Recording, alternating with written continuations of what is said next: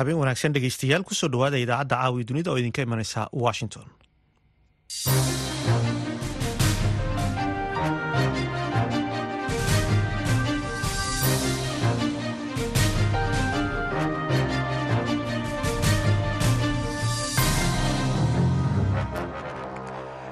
waa habeen isniina bisha januari ee sanadka cusub ee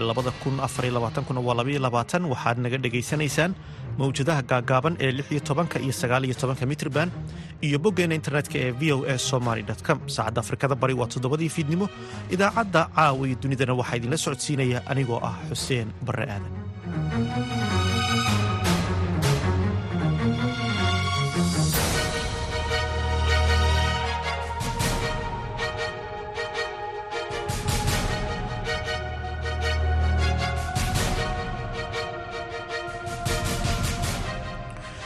qodobada aad ku dhegaysan doontaan idaacadda caawi dunida. Waxaa ka mid ah baarlamaanka soomaaliya oo taageeray musharaxnimada fawsiya yuusuf xaaji aadan ee jeegada ugu sarraysa ururka midowda afrika.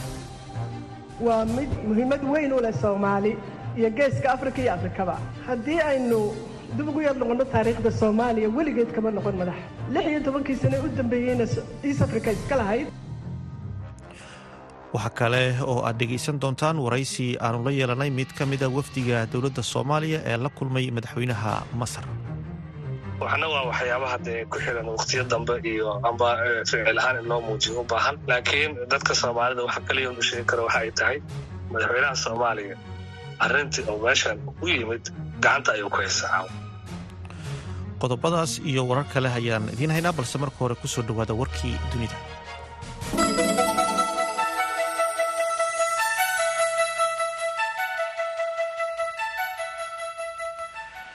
danjirihii hore maraykanka u fadhiday qaramada midoobay niki haley ayaa isniinta maanta ah ka ololeynaysa guud ahaan gobolka new hampshire iyada oo rajaynaysa in ay hor istaagto madaxweynihii hore donald trump inuu ku guuleysto musharaxnimada xisbiga jamhuuriga oo si lama filaana ay ugu guuleysato codaynta salaasada beri ka dhacaysa gobolkaasi sideed maalmood kadib markii trump uu guul weyn ka soo hooyay codayntii gobolka iowa oo ah kii u horeeyey ee lagu qabtay doorashada isreereebka ayuu madaxweynihii hore waxa uu higsanayaa in uu dhaawaco ololaha heli oo uu kaga guuleysto codaynta beri ka dhacaysa new hampshire tartanka ayaa isku bedelay mid u dhexeeya trump iyo heli kadib markii uu shalay ololihiisa musharaxnimada isaga baxay gudoomiyaha gobolka florida ron de santes kadib bilo ay isaga iyo heli isku dayayeen in ay muujiyaan inay yihiin kuwa bedeli kara donald trump heli ayaa codaynta new hampshire waxa ay u tahay fursadeedii ugu dambeysay si ay u muujiso in codayaashu kuwa xisbiga jamhuuriga ah ay diyaar u yihiin inay doortaan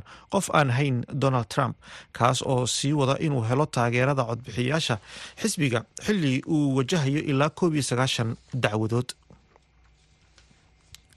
ra'iisul wasaaraha hindiya narendra modi ayaa hogaaminayay isniinta maanta ah daahfurka macbad weyn oo ay leeyihiin dadka hinduuga kaasi oo laga dhisay goob ay hinduugu u arkaan mid barakaysan waana arrin taariikh u ah dalkan ugu dadka badan caalamka.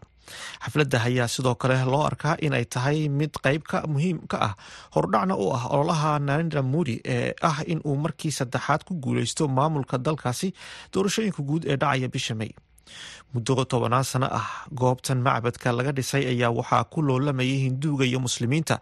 Dalkaasi looga tirada badan yahay taasoo keentay rabshado ka dhacay dalkaasi kii oo ay ku dhinteen laba kun oo qof oo u badan muslimiin. Kadib markii kooxo hinduu ah ay burburiyeen masjid tan iyo qarnigii lixi tobnaad halkaasi ka dhisnaa hinduuga hindiya ayaa sheegay in goobtani ay u ahayd macbad ka hor inta aanay boqortooyada muslimiinta ee mogaalku aanay burburin. Macbad goobtaasi ku yaalay sannadkii kii maxkamadda sare ee dalkaasi ayaa waxa ay ku wareejisay hinduuga waxayna amartay in dhul kale muslimiinta la siiyo. Ku dhowaad sideed kun oo qof ayaa lagu casuumay xafladda isniinta maanta lagu qabtay halkaasi in ka badan toban kun oo boolis ah ay ilaalinayeen magaalada oo ay ka dhacday munaasabadaasi militariga bakistan ayaa sheegay in toddoba maleeshiyaad ah lagu dilay isniintii rasaas ay iswidarsadeen ciidamada ammaanka gobolka ay xiisadiisu kacsan tahay ee koonfur galbeed ee bakistan ee u dhow afghanistan war qoraal oo ka soo baxay milatariga ayaa lagu sheegay in sidoo kale la soo furtay saanad ciidan kadib israsaaseyn ka dhacday deegaanka zob ee gobolka baluujistan oo wargeyska oo ka soo baxa dalkaasi bakistan oo lagu magacaabo down ayaa sheegay in rasaasta la soo furay ay ka mid yihiin hub rasaas iyo waxyaabaha qarxa.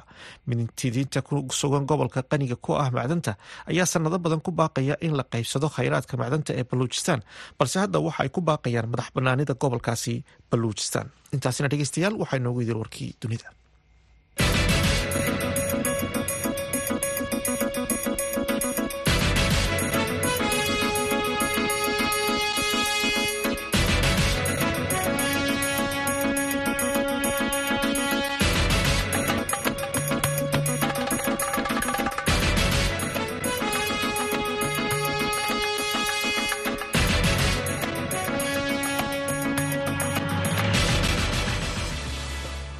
dhegeystayaal nagala socotaan waa laanta af soomaaliga idaacadda v o a oo si toosa idinkaga imanaysa.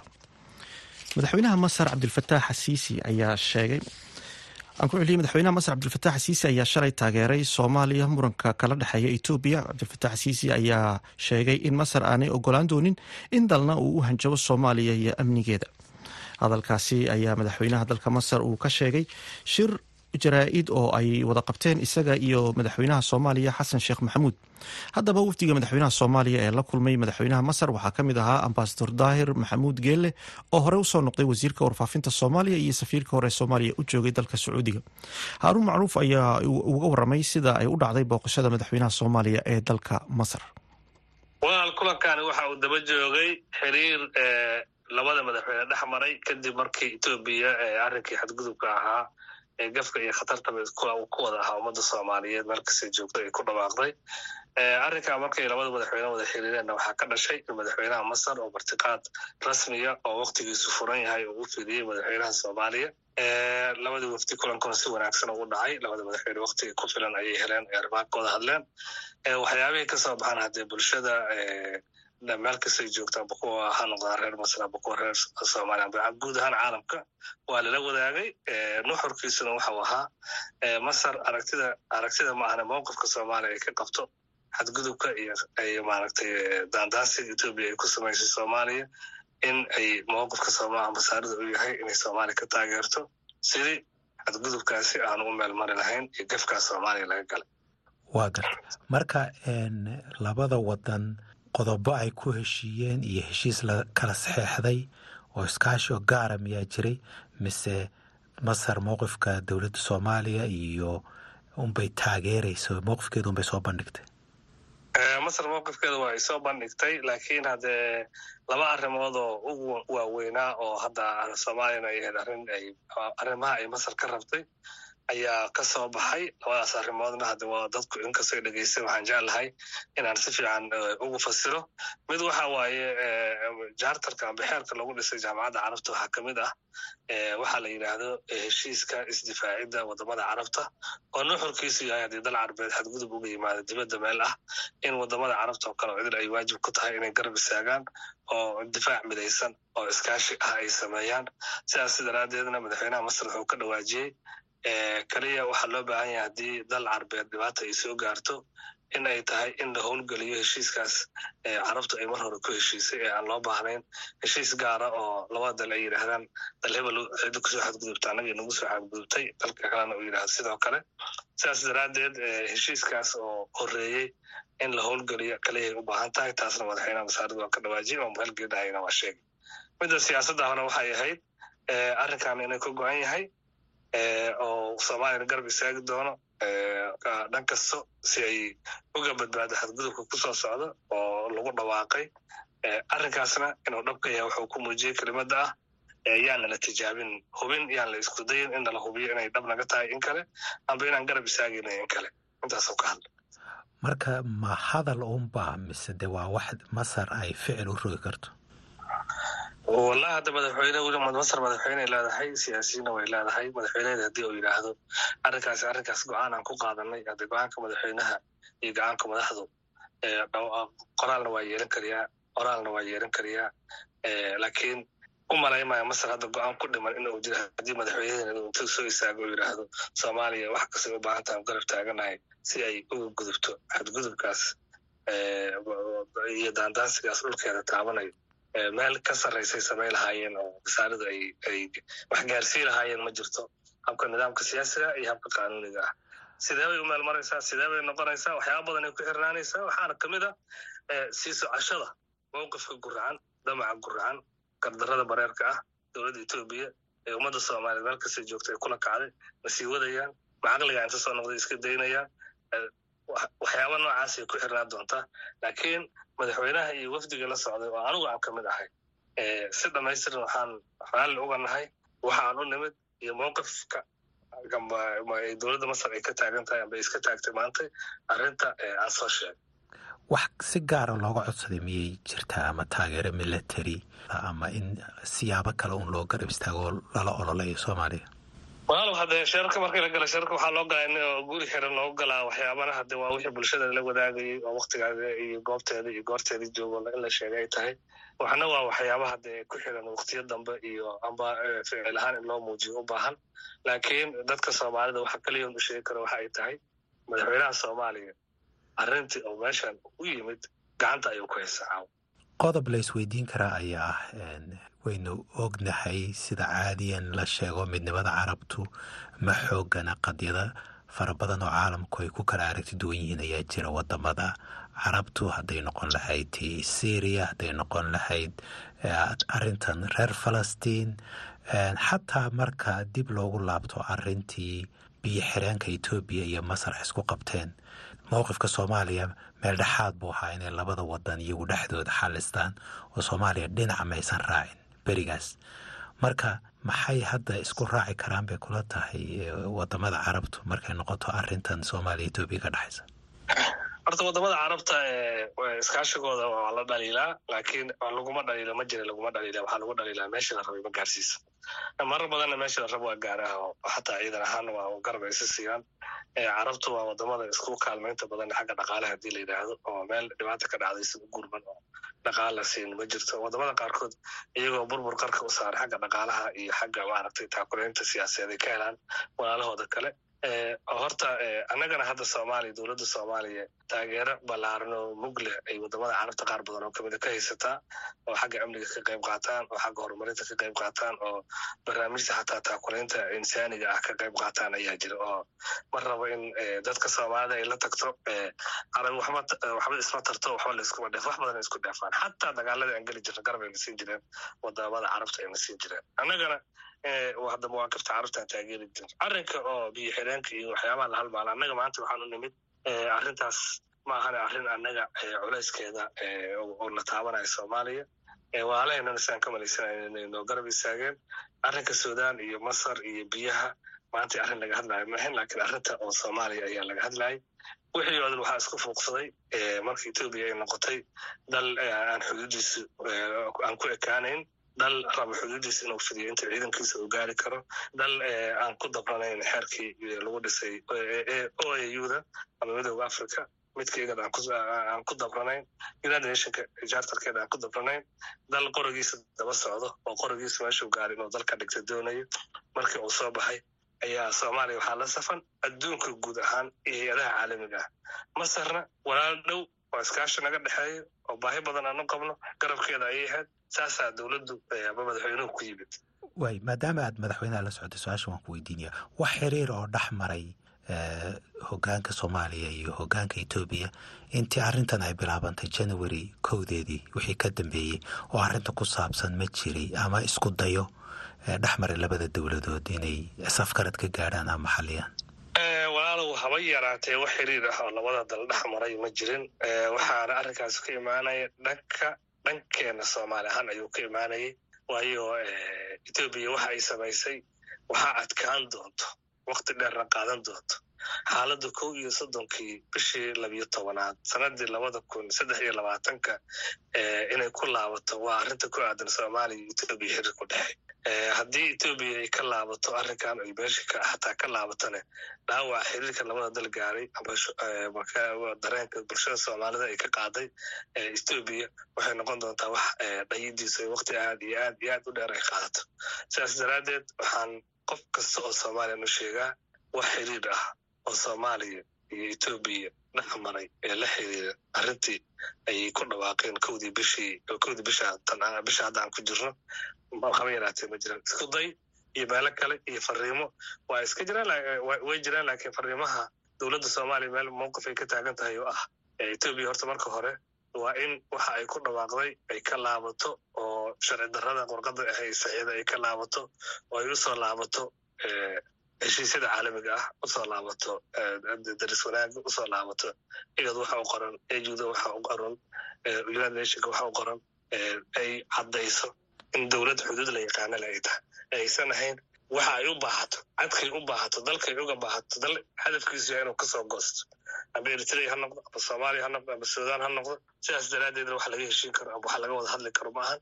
Wax la isku diidi karo oo la iskaga difaaco daldalka la iskaga difaaco ayaa ka dhalinaya wax kaloo ka dhalinaya maana jir waayo dhinaca somalilan oo safgaradkan la gashay etoobiya iyagu waxay leeyihiin de soomaaliya kama aanan mid ahayn soddon iyo dheeraadkii sane ee la soo dhaafay dowladdeeda gaarkaan lahayn doorashooyinka iyagaan qabsanay waddan gaaroo madax banaani raadinayaan nahay si sirana way sheegeen si dee bayaana u sheegeen dowladda soomaaliya way ka warqabtay mowqifkooda heshiisyo horaan galay leeyihiin tusaale waxay u soo qaadanayaan heshiiskii d b well ee berbera lala galay.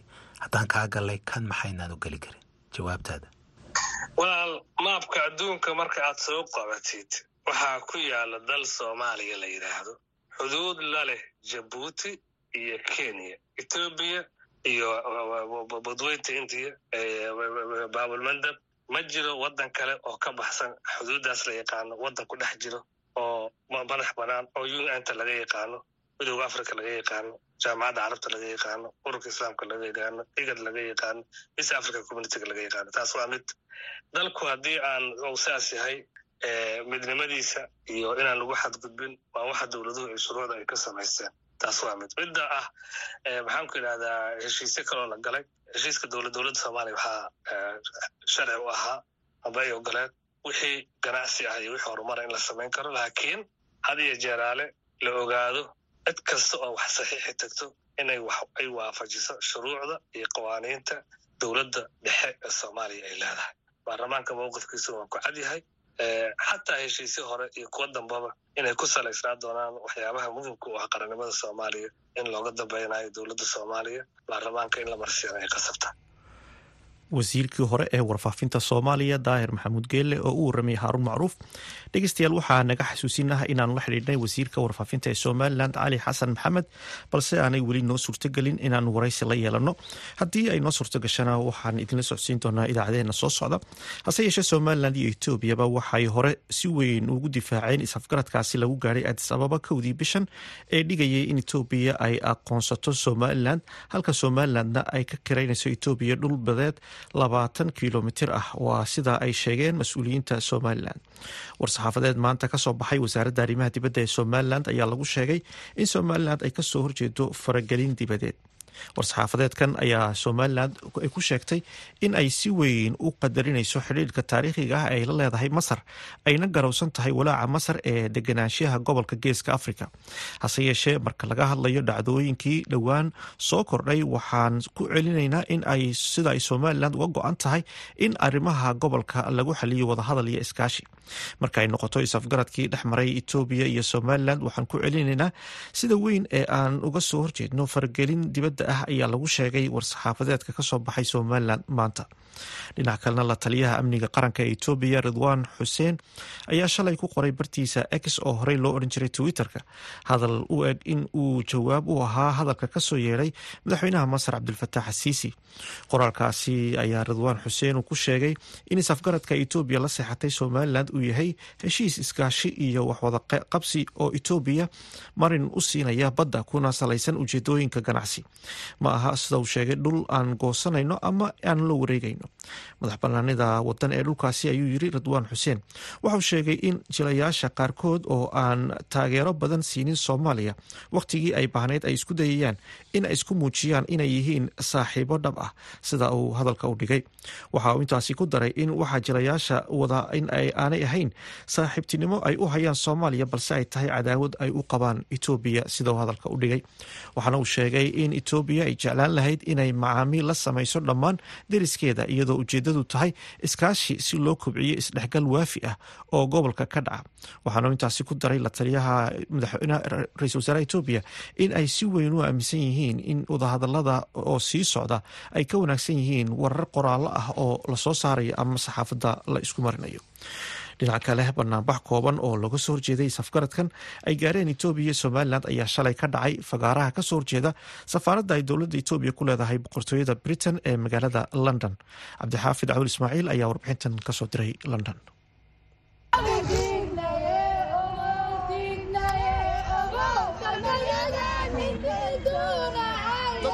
isugu soo baxay fagaaraha ka soo horjeeda safaaradda ay etoobiya ku leedahay magaalada london. Waxa ay qaar ka mid ahi ka yimaadeen magaalooyinka ay soomaalidu ku badan tahay sida bristol waxa aanay ka dibadbaxayeen heshiiska isfahaan ee etoobiya iyo somalilan dadkan ayaa waxa ay siteen boorar ay ku qoran yihiin etoobiya ha joojiso xadgudubka badda soomaaliya ii maaha iyo soomaaliya soomaali ayaa leh waa kuwan qaar ka mid a dadkii dibadbaxayay oo ku bilaabaya magacooda iyo halka ay ka yimaadeen. Bismillahi raxmaan iraxiim anigoo ah guddiga qabanqaabada bristol waxaan halkan u imaanay magaalada london inaan ku mudaharaadno safaaradda etoobiya horteyda annaga oo diidan damaca guracan ee etoobiya ee rabto inay baddeenna iyo dhulkeenna si fudud oo oo runtii aanan ahayn wax lagu heshiiyey ee ku qaadato. Soomaaliya maantay sidai hore ee ahayd. Ma aha dalkeenna taaka ka mid ah in la qaato diyaar uma nihi.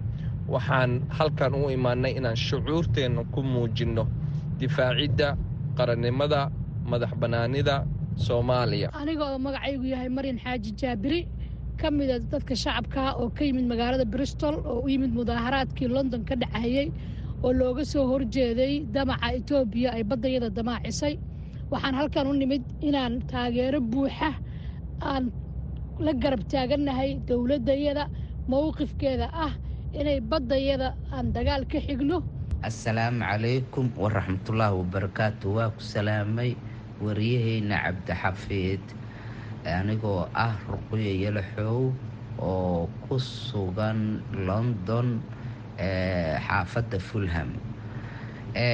Wakhtigan la joogo annagoo aada u fara badan maanta waxaan iskugu soo baxnay bannaanbax aada u weyn oo looga soo horjeeda safaaradda etoobiya abbey wixii uu sameeyey isku daygii ayaan ka dhiidhinnay calamaadkayna qaadanay boorarkayna qaadanay safaaradda irideediaan hadda joognaa. Iyada oo ay sida ay ii sheegeen dadka qabanqaabiyey dibadbaxa aanay iman dad badan oo ay filayeen laakiin waa la dareemayay in ay dad soomaaliyeed ku dibadbaxayeen safaaradda ka soo ku taala magaalada london ee etoobiya safaaradda etoobiya ku leedahay magaalada london oo aan xidhiidh dhinaca telefoonka ah la sameeyey ayaa ii sheegay in ay ku soo noqon doonaan idaacadda v o e da marka ay diyaar yihiin. Dowladda soomaaliya ayaa ilaa kowdii bishay janaayo ee aynu ku jirno ee heshiiskan iskarada ay saxeexeen ra'iisul wasaaraha etoobiya abiy axmed iyo madaxweynaha somalilan muuse biixi cabdi waxa ay qaaday tallaabooyin diblomaasi oo ay ku diidan tahay heshiiskan is-afgarad cabdi xaafid cawil ismaaciil v o a london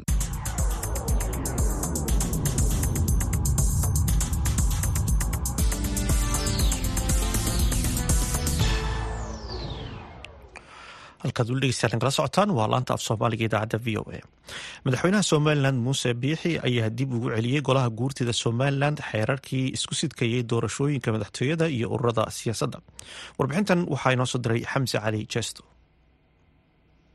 madaxweynaha somalilan muuse biixi cabdi ayaa dib ugu celiyey golaha guurtida xeerarkii isku sidkan ee doorashooyinka madaxtooyada iyo ururada warqaduu ku saxiixan yahay madaxweyne biixi oo nuqol ka mida warbaahintu heshay ayaa waxaa lagu socodsiiyey gudoomiyaha golaha guurtida salebaan maxamuud aadan geesta kale waxaa la ogeysiiyey gudoomiyaha golaha wakiilada yaasiin xaaji maxamuud faratoon iyo gudoomiyaha maxkamadda sare garyaqaan aadan xaaji cali xisbiyada mucaaradka ah ayaan ilaa hadda ka hadal soo celinta xeerkan madaxweynuhu ku soo celiyey golaha guurtida. Xamse cali jeesto v o a hargeysa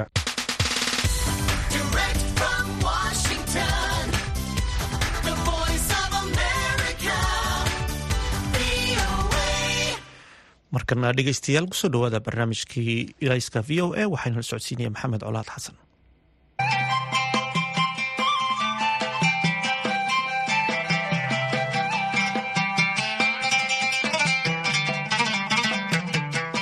Kulanti wacan wanaagsan dhegaystayaal kuna soo dhowaada mar kale iyo barnaamijka ilayska v o eda oo bishiiba laba jeer maalinta sniinta aad ka dhegaysataan idaacaddan v o eda laanta afka soomaaliga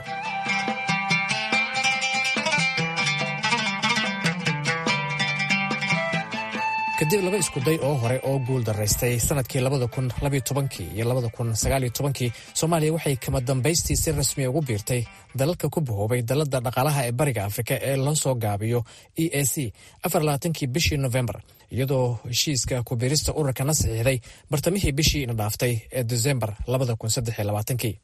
madaxweynaha soomaaliya xasan sheekh maxamuud ayaa kubiirista soomaaliya ee e a c ku tilmaamay mid taariikhi ah iyo rajo u soo iftiintay soomaaliya iyo shacabkeeda. E a c oo la asaasay sannadkii labada kun ayaa si weyn loogu yaqaan mid ka mid ah daladaha dhaqaale ee qaaradda afrika iyagoo leh midow dhinaca socdaalka ah iyo suuq guud. Inkastoo qorsho ay dalalkan ka lahaayeen inay ku yeeshaan lacag mid ah sanadkan labada kun afarlaatanka dib loogu riixay labada kun kow iyo soddonka kahor aysan soomaaliya ku biirin. Waxaa dalladan ku jiray toddoba waddan oo kale ah burundi jamhuuriyadda dimuqraadiga ee kongo kenya ruwanda sudaanta koonfureed tanzaniya iyo uganda. Inkastoo ay soomaaliya soo dhoweysay kubiiristan ayaa qaar ka mid ah dadka dhaqaalaha ka faallooda ay ku doodayaan marka la eego xaaladaha amni dhaqaale iyo dowladnimo ee soomaaliya ay ku jirto ay wax ka badan waxa ay ka helayso ku weyn karto kubiirista dalladan doctor cabdisalaam warsame waxa uu shahaadada sare ee b h d da ku haystaa dhaqaalaha waana bare jaamacadeed oo ka howlgala magaalada muqdisho horta dadka soomaalida ganacsigooda wuxuu ku tiirsan yahay ganacsiga traditionalka la yidhaahee aan ku tiirsanayn mashiinada iyo casriga iyo aan la jaan qaadi karin ganacsiga casriga ah ee labor intense oo capital intensiveka la yidhaahdo.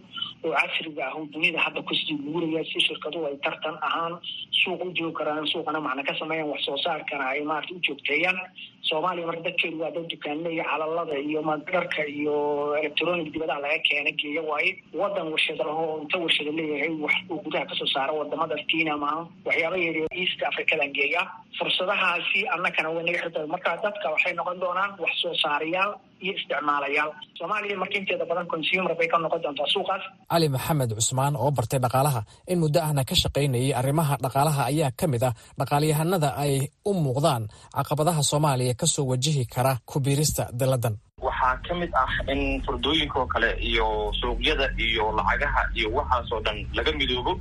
Taasina soomaaliya maadaama waddan dhaqaalihiisa uu yahay waddamada east africa ugu hooseeya uu yahay waxay keeni kartaa in domination lagu sameeyo dhaqaalaha shaqaalahoo kale iyo suuqyada iyo wixii oo dhan oo aan baractiis garasnayn oo in badan aan laga soo shaqaynin domination lagu sameeyo dad ahaan waa laga tira badan yahay dhaqaale ahaan waa laga xoogan yahay. Dhinacyada dhaqaalaha saameyn qaban oo noocaas ay ku yeelan kartaa sidoo kale markaan fiirino dhinaca political federation waxaa la yidhaaha jiro oo soomaaliya la rabo go'aano mawaaqid isku mid ah inay ay ururka isla qaato. Taasina waxay keeni kartaa soomaaliya maadaama siyaasad ahaan aad aysan u kabacsanayn in waxyaabaha qaar ay ay dhibaato ay ku noqdaan. Doctor maxamed cismaan maxamuud la taliyaha madaxweynaha jamhuuriyadda federaalk soomaaliya ee arrimaha dhaqaalaha qaranka. Ahna xubin ka tirsan golaha dhaqaalaha qaran ee xafiiska madaxweynaha ayaa ka warramaya baahida keentay xilligan in soomaaliya ay ku biirto dalladda dhaqaalaha ee dalalka bariga afrika ee e a c. Wacalaykum asalaam waraxmatullaahi wabarakaatu walaal maxamed colaad aad baad mahadsan tahay waana kaga mahadnaqayaa inaad ila soo xiriirtay. Waxaan kaloon bogaadinaya dhammaan shaqaalaha idaacadda v voice of america. La'aanteeda afka soomaaliga sidoo kale dhegeystayaasha sharafta leh soomaaliyeedna waan salaamaya labada kunadii iyo wixii ka horeeyey iyo awaakhirkii sagaashamiyadii waxaa aada looga hadli jiray globalization. Globalization waxa weeyaan adduunku inuu cawlama carabiga ku yirahdaan in adduunyadu hal tuula isku noqoto deetona ay isu furfuranto. Taa dhibaato weyn baa ka yimid oo waxaa ka yimid dhibaato in kambaniyo waaweyn oo galbeedka iyo bariga fog iyo ay hafiyeen suuqadii wadamadii saboolka ahaa sidoo kale waxaa soo kordhay colaadihii caalamka iyo covid kii oo dee isu socodkii adkeeyey. Waan la soconnaa siday u qaaliyoobay maxaa la yidhaahdaa shidaalka soomaaliya markii uu dagaalkii ukraine iyo rushka u qarxay covid kii dhibaatooyin badan buu keenay. Deetana adduunyadu waxay u jeysatay waxa la yidhahda deglobalization. In gobolaysi la sameeyo deetana afartii shantii dale isku gobola iyagu isku xidhmaano oo iyagu ay waxay isdhaafsan karaan isdhaafsadaan. Taa waa qodob sidoo kale aragtida midooda africa ee labada kun iyo lixdan iyo ayaa waxay u taagan tahay in dhaqaalaha africa laisdhexgeliyo laisu furfuro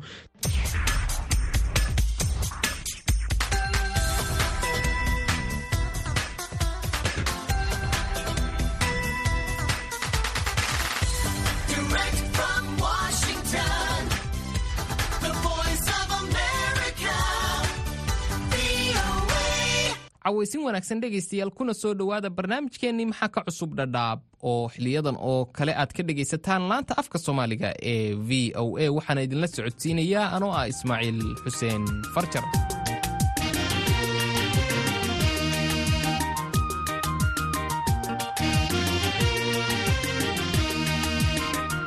qodobo kala duwan oo xiisele ayaan idiin haynaa. Marka horese aan ku bilownee haweenka ku nool xeryaha qaxootiga ee dhadhaab ayaa ka dayrinaya xaaladda caafimaad ee xeryahaas ka jirta gaar ahaan xilliyada ay uurka leeyihiin iyaga oo sheegaya in aanay helin daryeel caafimaad iyo nafaqo ku filan. Haddaba wariyaha v o a maxamed baaruud ayaa warbixintan ku eegaya. Hooyada xilliga xaamilada waxay u baahan tahay daryeel nafaqo iyo xanaano gaara balse qaar badan oo kamida dumarka xeryaha xaamilada ayaan helin daryeelkay u baahan yihiin sida ay sheegtay xaawa cabdiqaadir axmed oo kamida dumarka u dooda xuquuqda hablaha xeryaha qaxootiga ee dhadhaab boqolkiiba lixdan ama toddobaatan xataa ma hesho hooyada daryeelka isaga ah ee xilliga adagay ku jir ay mudan tahay amay u baahan tahay. Hadday noqoto nafaqadii hadday noqoto daryeelkii caafimaadka dadaalkii xilliga mar walbaba ballantii in dhaqdhaqaaqeedii caafimaadkeedii lala socdo. Walaal ma heshaa dhihi karaa. Hooyooyinka inta badan waxay la dhibtoon yihiin dhiig la'aan waxay la dhibtoon yihiin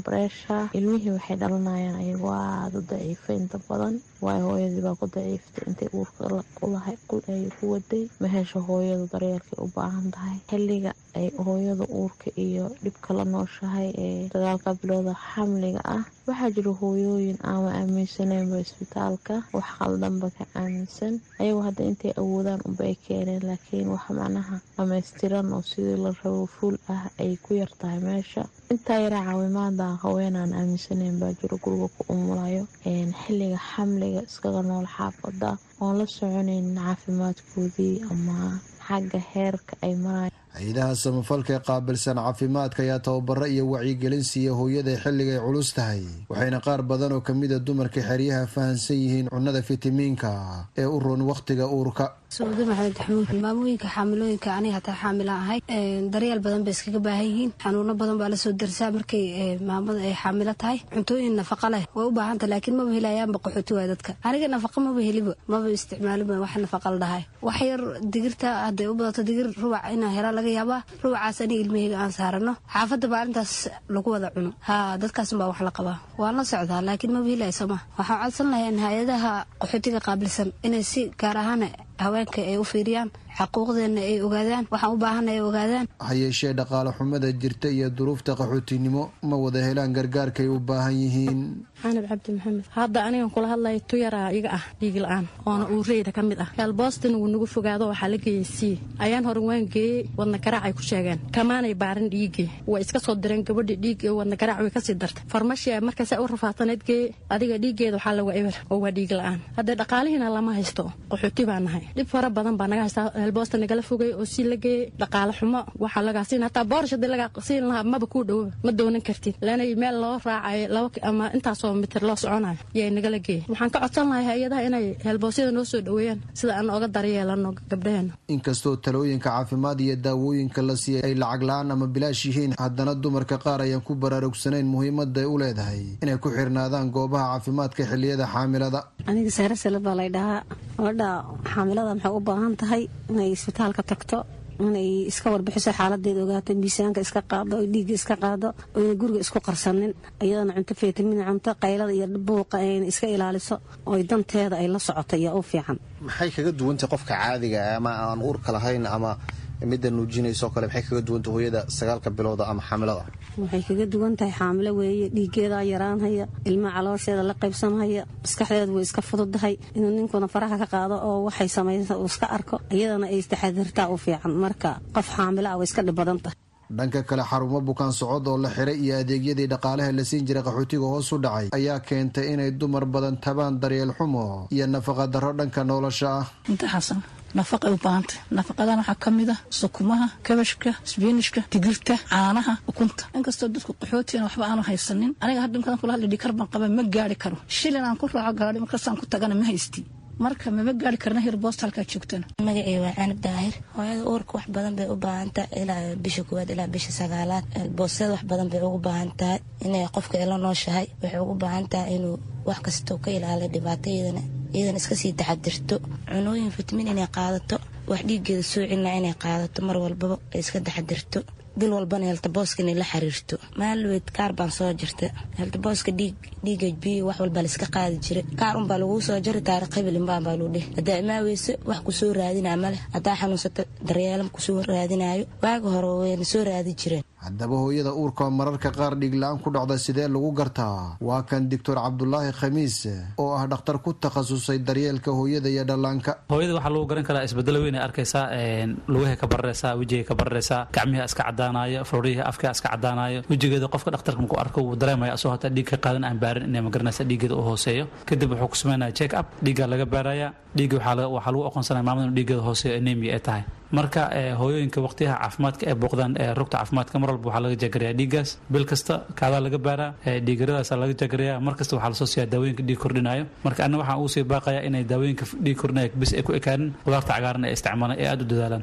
Doctor cali ayaa sharxay waxyaabaha loo baahan yahay inay isticmaasho hooyada xilliyada xaamilada tahay. Hooyada uurka ah waxay u baahan tahay in cunto dheelitiran ay isticmaasho sida cuntada cagaarka ah qudaarta cagaaran oo loo yaqaano green vegetables loo yaqaano sukumaha kabejka qudaarta cagaaran inay isticmaashaa fitamin ay ku jira hooyada caawinaya. Mar walba inay isticmaashaa haddii heli karta hilib haddii heli karta caanooyinka ay magaranaysa nafaqada ku jiraan hooyada waa inay intaa isticmaashaa ee keli ku ekaanin cuntooyinka gaarka u ah iyaga ay karsanaayeen sidoo kale waxaa jira xanuuno ay u nugushahay hooyada xaamilada mararka qaar. Cuduradaas waxaa malaarida ka mid u nugul yihiin oo aad baa looga ilaaliyaa.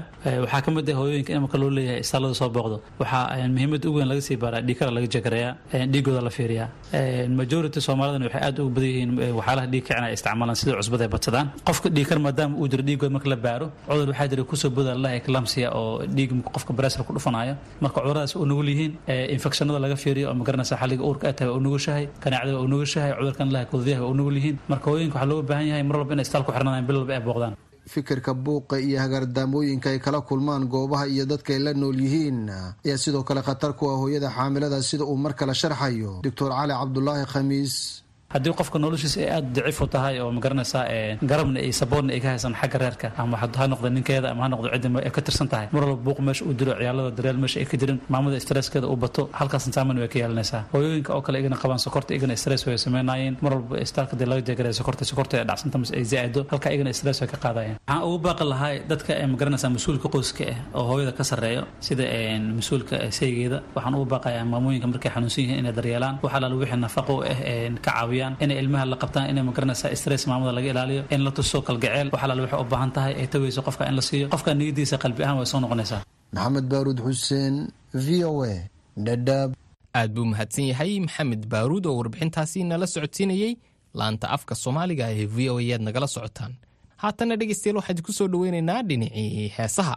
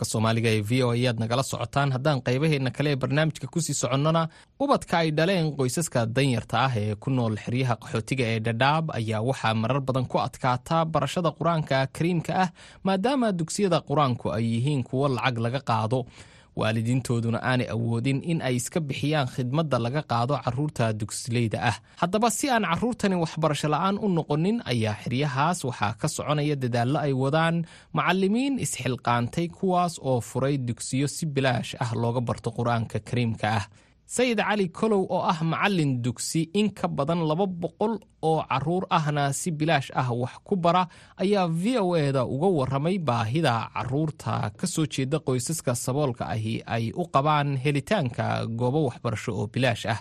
Wariyaha v o a aadan cabdi cabdulaahi ayuuna u waramay anigu magacay sheekhsiyada la dhahaa laba kun iyo toban sagaalkii ayaan aas-aasay madarisi yar la dhaha magaceeda nurulaftiin aas-aaskaasna waxay ugu khadasay anuu dhalay alxamdulilah toban iyo toddoba cunug oo afar baa ka dabdhalay ayaa madarasiyaan geeyey. Waxaa waxaan idhi ayaalkan wax ii bara waayahay ken baa layidhi toban iyo toddoba kun baa lagaa raba toban iyo toddobadii kun marka la weydiiyey aniguna qooti aan joogo madkaa ila weynaatay. Waan la gorgortamay waxaan idhi walaalayaalow inkasta u shaqaynaysaan diinta daacidaad tihiin aniguna dadka badan ilaahay siiyey ii naxariista lacagta iga reeba shan iyo tobanka xulug marka shan iyo tobanku lidhi waan yaabay waxaan isidhin ciidda adag korkaay ku jirtaa haddii qur'aankan aad taqaano shan iyo toban kun kee lagu dhahay.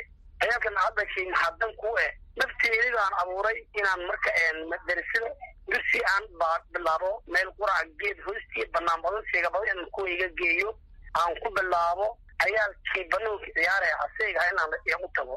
Markaasaan idhi ayaal yaa idin aad oo kaalaya way imaadeen ayaalow yaa idin dhalay. Intay timaateen maxaad aheedeen dugsi maxaa u diideen? Isgulka maxaa diideen? Su'aashii aan qabatay su'aasheeda ayay ii sheegeen.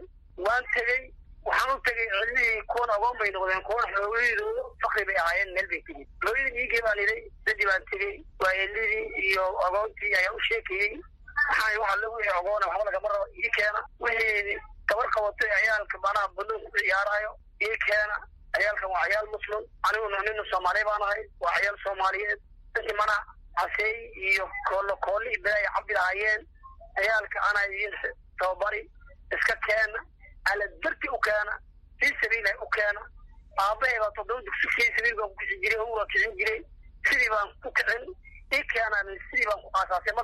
waa gartay. Marka waxaad ka dhawaajisay marka markii ugu horreysay adiga qudhaada in caruurtii aad dhashay aad dugsi geysay.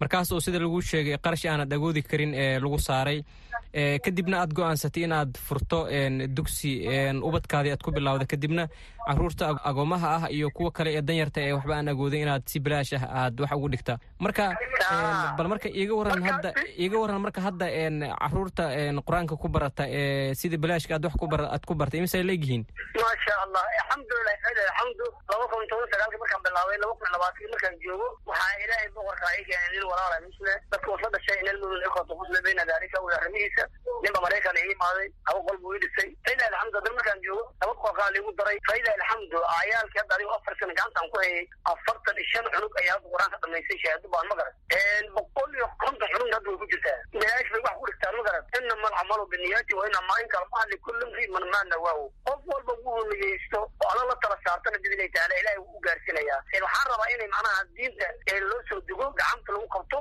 Sida maadada loo qabtay la qabto waxaad ii sheegtaa caliow markii hore oo aad aas aastay madrasada waxaad sheegtay in markaas aad kaliga un ahayd oo tabar badana aadan markaas agoodin laakiin si isxilqaan ah oo aad ku bilowday. Marka inta sida aad sheegtay ninka ku garab istaagay dabcan cariga maraykan ka imaada isaga ku caawiyey ee laba qol oo dabcan ku dhisay. Intaanan asaga garab aadan ka helin. Markii hore sideed ku bilawday ma meel binaan ah maxaad adeegsatay ood ku bilawday walaalow waa mahadsan tahay waxa la waa sheegay waxa la arkaa ka fiican hadda maanta muuqale sawir baa jiro waxaan ku bilaabay laba geed oo qurac waaweyn oo ilaahay boqorka sameeyey. Markaad aragtaba aan la yaabayso kuwii hore markii baadiye ay joo jireen kunta lagu akrin jiray geela lagu qali jira ahaan baa ilaahay sii kuwii baan helay ma garan. Kuwii baa ilaahay hoos iga dhigay. Waa gartay. Markaas marka baahi intee dhan ayaa jirtay oo ee, dadka halkaas ku noolaa ee buulobakti sidaan ognahay waa dabcan xerada dhagaxley ayay ka tirsan tahay waa xaafada xerada dhagaxley ka tirsan. Waxaana halkaas la dejiyey qaxootigii markii ugu dambeysay ee laga raray xerada ifitu iyo ifitri iyo markii xeryahaasi ay xirmaayeen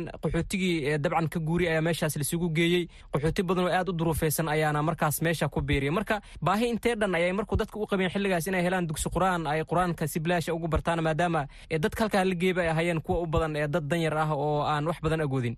Maasha allah maasha allah Eh, waxa maanta almurtido laga sheekay kara maha dadkii buulabakta la soo reersta oo u warqabtaba waxay ahayd tod- sideed labada kun iyo toban iyo toddobada iyo labada kun lix iyo tobanka intii udhexeysa marka la soo raray meesha la keenay isguul looma samaynin wax isguul ay leedahay malaha waa arki doonta way inoo soo dhow bahati waxaa la dhahay central ciyaalka waxay u socdaan laba saac ma garan marka ciyaalkii markaan fiiriyey isguulkii aan u soo dhaweyn dugsiyaashiina inay ka cabsideen yaan bahadan aasaasay. Marka annagoo sida cusub oo isguulaan madrasadaan na haysto ayaa haddana dugsina aan lahaynin isguulkii uu fogaaday. Aan marka arkay banaanka ciyaalku ay tuban yihiin ayaa alxamdulilah baha weyn bay jirtay. Laba sano oo kaarlaan ayay joogeen. Marka laba sano saddex sano kaarlaan ciyaalka joogay iyo waalidkooda isu dhowgamay bahada wax u malayn karta maaha waa garta marka siday u arkeen marka dadka markaas markii aad aas aastay oo laba geed oo quraca hoostiisa aad ku bilawday sida aad sheegtay een, ubadkaadii aad ku bilawday ilmihii kale ee dee kuwa dabcan waalidkooda u dhintay iyo kuwii danyar tahay baad u sheegtay inay imaadaan oo fii sabiilillahi waxaad ku baraysay waalidiintii iyo dadkii markaa aan agoodda u inay ilmahooda geystaan dugsiyada kale ee qur'aanka ama madrasooyin kale ee lacagta ah oo laga yaabo inayba agoodi karin. Siday u arkeen marka mowqifkaas iyo qorshahaas aad qaadatay maasha allah waxa waxaa loo malayn kara maha wallahi wax kaas cayaalka kuwii saddex jirka ayaa la keenaya istifaaci lagu tababaro banoontan iyo caseygan iyo koolakoolada si looga celiyo. Kas dhaasa kuwiiba manaha ayaa soc walba la keenaya ma garat? Waa gartay. Farxadda ay leedahay waxaad malayn karta maaha hooyooyinkii adeera iyo waalidiinta dhammaantood soc walba iisoo duceeyaan halkaas imaadaan. Ee, sanadihii dambe ama ee, dabcan muddooyinkii ugu dambeeyey waxaad moodaa in dugsiyada qur'aanka iyo sidii aan ogaan jirnay ee dugsiyadii looxa la dhigan jiray qadi iyo looxii barnaamijka inuu soo yar ee, uu isbedelay oo hadda ee, dabcan siyaabo kale loo guuray goobaha inta badan iskuullada iyo sida loo taageeran aan inta badan dugsiyadu ay taageer u helin. Maxaad is leedahay way keeni kartaa in ee, nidaamkii hore ee qur'aanka lagu baranayay iyo looxoshii iyo adduunkii wixii inay isbedelaan maxaa keenaya is leedahay? Adduunyada waxaa jira wax zaman baa jira zaman ma garan zamankana wax walbu mana ayuu bedela hadda marka qarnigaasa ayaa la yar socota marka insha allah. Baahi intee dhan ayay marka qabaan dugsiyada si guud ku yaalla xeryaha qaxootiga dhadhaab oo lagu barto qur'aanka kariimka ah. Walaalow allah ku barakeeye meesha horta waxaa haradaan deganahay deegaan ma waa qaxooti. Qaxootina hadee waa taqaanaa meel meeshii bareefad laga dhigay dugsiga bareefadkay jeceshahay iskuolkay jeceshahay. Dugsiyaha haddii la- ay u baahnayn masquul hadday u baahnayn biyo tube mana cayaalka loo qistaan ayahayeen hadday u baahnayn masaajid hadday u baahnayn makroof cayaalka manaha taanta laga qaado. Hadday u baahnayn kutubo waxyaaba dhan waxaad moodaa inay manaha ay- ka hooseeyaan. Marka insha allah muslimiinta ilahay wax siiyay dalka dibadda joogdo sadaqada u baahan inay manaha tabarucada ay sameeyaan. Waa soo dhaweyn ee, taageerada ay u baahan yihiin een, goobaha lagu barto qur'aanka kariimka haddii ay noqdaan een, dugsiyada iyo madrasooyinka maxaa ka mid ah? Walaalo waxaa ka mid horta number ko madrasooyinka. Waxay rabaa horta mana in masquul loo sameeyo biyo loo soo xiriiriyo ma garan waxaa kaloo ay rabaan kutubii caawinta ah in loo soo godo ciyaalka la siiya kuwa eh, soddonka jis ay eh, hoosta ku farbartaan. Iyo kutubaha jaamaca mana kuwan taxfiidka inay kula bartaan waa dadkii marka magaalada la jooga loo la heli karo. Waa marka mana ciyaalka wax lagu baray noqdeen aad buu mahadsan yahay. Sayid cali kolow oo ah macallin dugsi in ka badan laba boqol oo carruur ahna si bilaash ah wax ku bara.